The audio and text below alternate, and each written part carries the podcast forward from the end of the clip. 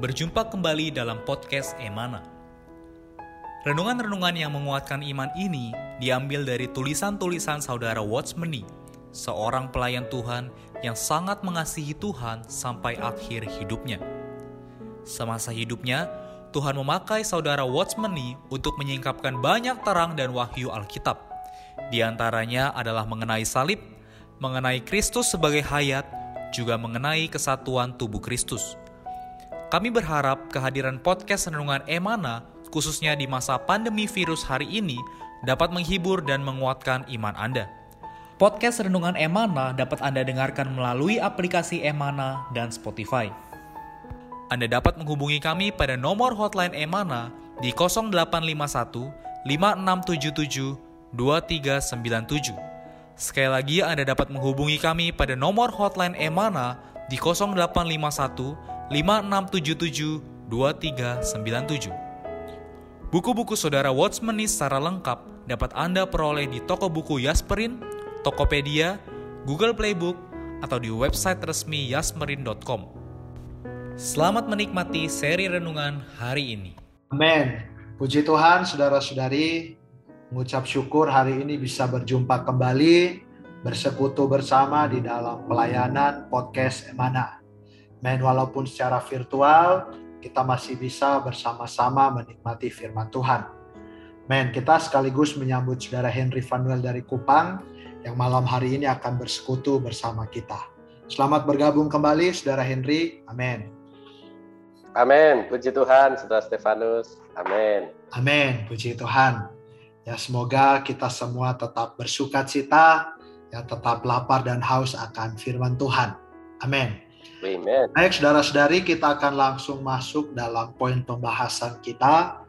Minggu ini kita membahas satu topik yang diambil dari buku pembinaan dasar, yaitu yang berjudul pengampunan dan pemulihan. Ya, saudara-saudari bisa mendapatkan versi cetaknya. Ya, judulnya adalah pengampunan dan pemulihan. Nah, hari ini secara khusus kita akan membahas satu bagian, yaitu mengenai akibat tidak mengampuni. Nah, saudara-saudari, bagian ini diambil dari Matius pasal 28 ayat 35. Ya, akibat tidak mengampuni, saya akan membacakan ayatnya sekaligus kita memulai persekutuan kita hari ini. Men, di dalam Matius pasal 28 ayat 35 dikatakan, Demikian juga yang akan diperbuat oleh Bapakku yang di surga terhadap kamu, apabila kamu masing-masing tidak mengampuni saudaramu dengan segenap hatimu. Amin. Ya demikian ayatnya Matius 28 ayat 35. Selanjutnya saya persilahkan kepada Saudara Henry untuk memulai persekutuan kita hari ini. Amin. Amin. Puji Tuhan, saudara-saudari, malam ini kita membahas satu perkara yang tidak mudah, karena ini adalah perkara yang serius di hadapan Tuhan Uh, apalagi ini adalah perkara di mana kita belajar untuk mengampuni dan melupakan kesalahan saudara kita. Dalam persekutuan Selasa kemarin, kita nampak bahwa di pandangan Allah adalah sesuatu yang jahat jika seseorang tidak mengampuni saudaranya. Saudara-saudari, ini adalah perkara yang sangat serius jika kita tidak memberi kasih karunia kepada orang lain sama seperti Allah Bapa memberi kasih karunia kepada kita, maka dikatakan di dalam ayat 35 ini, maka Bapa akan berbuat ya seperti uh, Tuhan itu. Dia menyerahkan hambanya kepada algojo-algojo. Saudara-saudari ini mengacu kepada kita bawa kita kelak di zaman yang akan datang kita akan mengalami pendisiplinan Tuhan. Ya kalau kita di zaman ini tidak belajar mengampuni saudara kita tidak belajar memberi kasih karunia kepada saudara kita sama seperti Bapa yang memberi kasih karunia mengampuni yang melupakan dosa-dosa kita. Karena itu saudara-saudari kita uh, mumpung masih ada hari ini kita perlu berlatih ya mengampuni saudara kita. Ya, forgive is to forget ya. Mengampuni itu artinya melupakan. Seperti uh, kata Tuhan kepada Petrus berapa kali aku harus mengampuni saudaraku kalau dia tujuh kali datang menyesal. Tuhan mengatakan kita harus mengampuninya 70 kali tujuh kali. Artinya mengampuni adalah melupakan. Karena itu saudara-saudari mari kita sama-sama belajar perkara ini. Memang tidak mudah, kita mau belajar menyangkal ego kita belajar mengampuni, belajar memberi kasih karunia kepada saudara atau saudara yang bersalah kepada kita. Dihukum, kita tidak akan didisiplinkan oleh Tuhan di zaman yang akan datang. Amin. Amin. Ya, benar ya saudara-saudari bahwa dasar kita perlu mengampuni adalah karena di hadapan Allah pada dasarnya kita adalah orang-orang yang telah berhutang ya dan kemudian kita telah dihapuskan hutang kita. Artinya saudara-saudari, ya kita semua ini pada dasarnya menerima pengampunan dari Allah Bapa kita. Karena itu ketika ada saudara kita yang berbuat dosa, maka juga adalah satu hal yang wajib bagi kita mengampuni dia. Karena itu ya adalah sesuatu yang tidak wajar, bahkan akan dihukum oleh Tuhan ketika kita tidak bisa mengampuni saudara atau saudari yang berdosa kepada kita. Amin. Uh, saya akan membacakan kutipan berita di sini, lalu kita akan bersama-sama bersekutu mengenai perkara ini. Amin. Sini dikatakan bahwa ada satu hal yang paling tidak sedap dipandang di hadapan Allah, yaitu jika seseorang telah diampuni tetapi tidak mau mengampuni orang lain. Ia telah menerima belas kasihan, tetapi ia tidak mau mengasihani orang lain. Anda harus menyadari bagaimana Tuhan memperlakukan Anda anda pun harus demikian memperlakukan orang lain. Kalau orang yang menerima kasih karunia menolak memberikan kasih karunia, itu suatu perbuatan yang tidak selayaknya. Kita wajib belajar mengasihani dan mengampuni orang lain.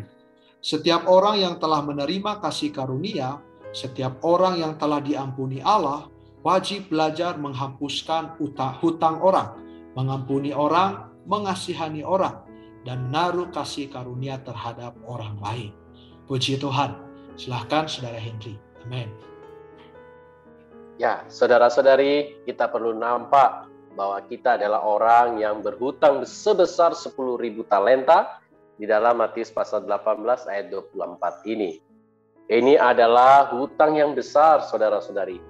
Dan kita tidak sanggup dan tidak akan pernah sanggup melunasinya. Tetapi Tuhan telah membelas kasihani kita. Oh, haleluya, Tuhan telah bermurah hati kepada kita. Tuhan telah memberi kita kasih karunia.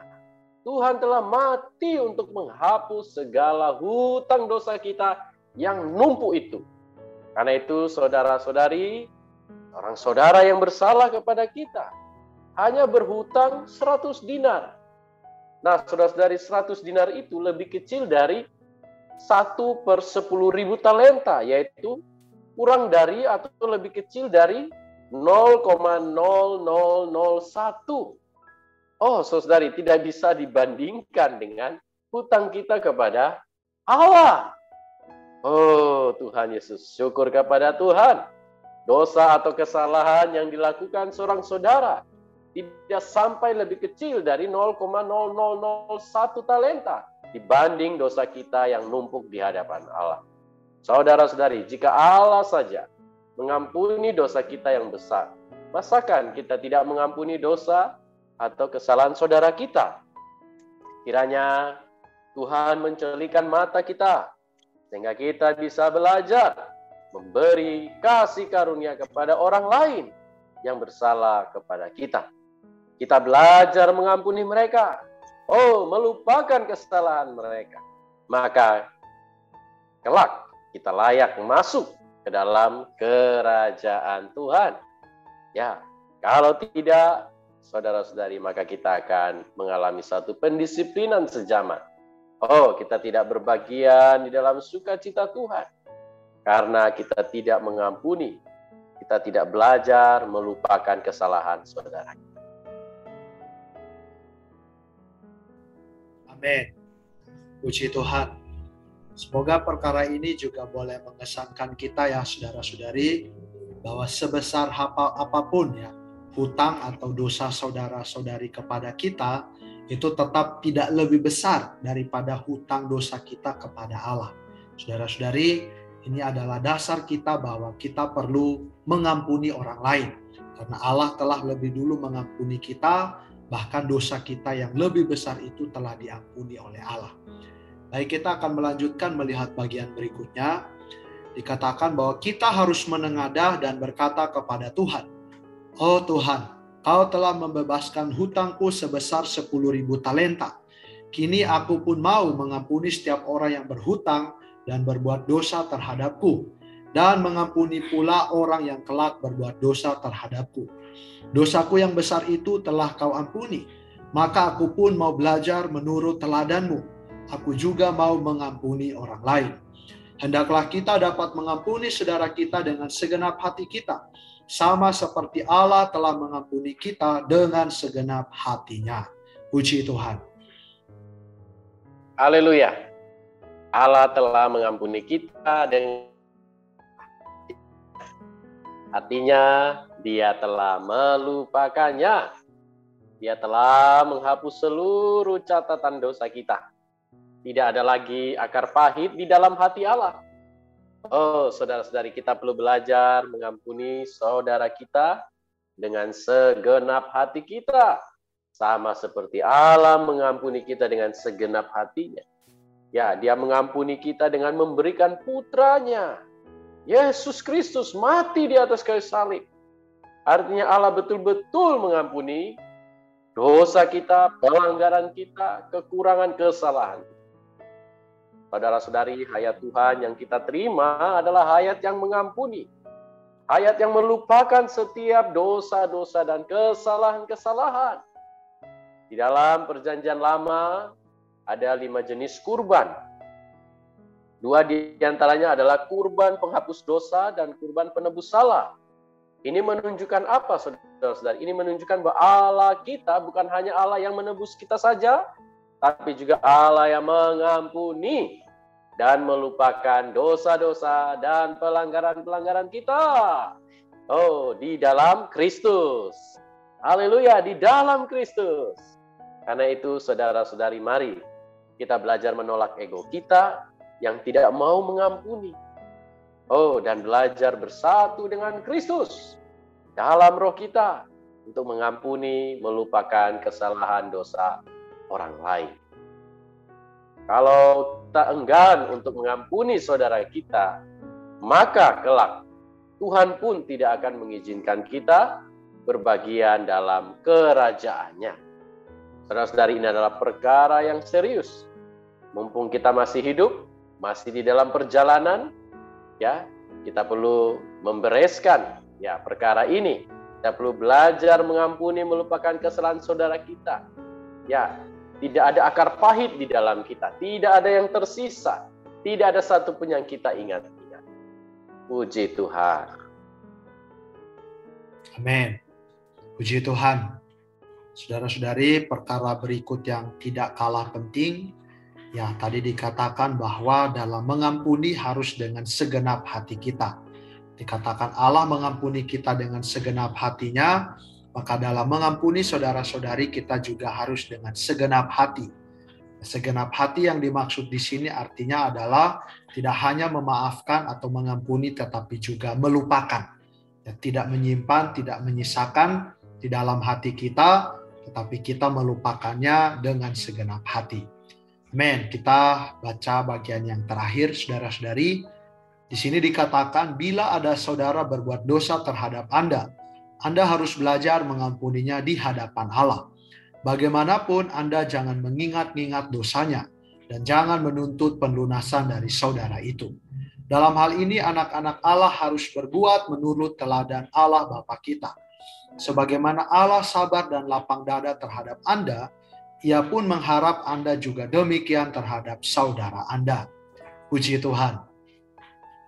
Puji Tuhan. Syukur pada Tuhan, Allah sabar uh, dan lapang dada terhadap kita, maka dia juga mengharapkan kita pun belajar sabar dan lapang dada terhadap orang lain yang bersalah kepada kita. Saudara-saudari, ini sungguh tidak mudah. Saya pribadi dalam pengalaman saya pun tidak mudah mengampuni orang yang bersalah, apalagi itu menyakiti hati kita. Tidak mudah, dan segenap hati kita melupakan, kita mengampuni begitu saja. Apalagi kalau kesalahan itu dilakukan berkali-kali. Wah, saudara-saudari ini tidak mudah. Kita perlu banyak-banyak menikmati kasih karunia. Kasih karunia itu adalah Kristus itu sendiri menjadi kenikmatan, menjadi pengalaman, menjadi supply, menjadi segala sesuatu kita. Dan kita perlu tinggal di dalam uh, pembunuhan salib untuk mengakhiri ego kita. Kalau kita masih berada dalam ego, sulit bagi kita untuk mengampuni. Oh, syukur kepada Tuhan, Allah adalah teladan kita. Tuhan Yesus adalah teladan kita. Oh, dia mengabaikan dirinya sendiri, dia memikul salib. Puji Tuhan, demi kita saudara-saudari, agar hutang kita yang besar, yang numpuk itu, ya catatan dosa kita itu boleh dihapus melalui penebusannya, sehingga kita boleh memperoleh pengampunan dosa. Saudara-saudari, mengampuni ini perlu membayar harga. Ya, kita perlu mengabaikan ego kita. Terus dari puji Tuhan, kita belajar mengampuni saudara kita dengan segenap hati kita. Dari ketulusan hati kita.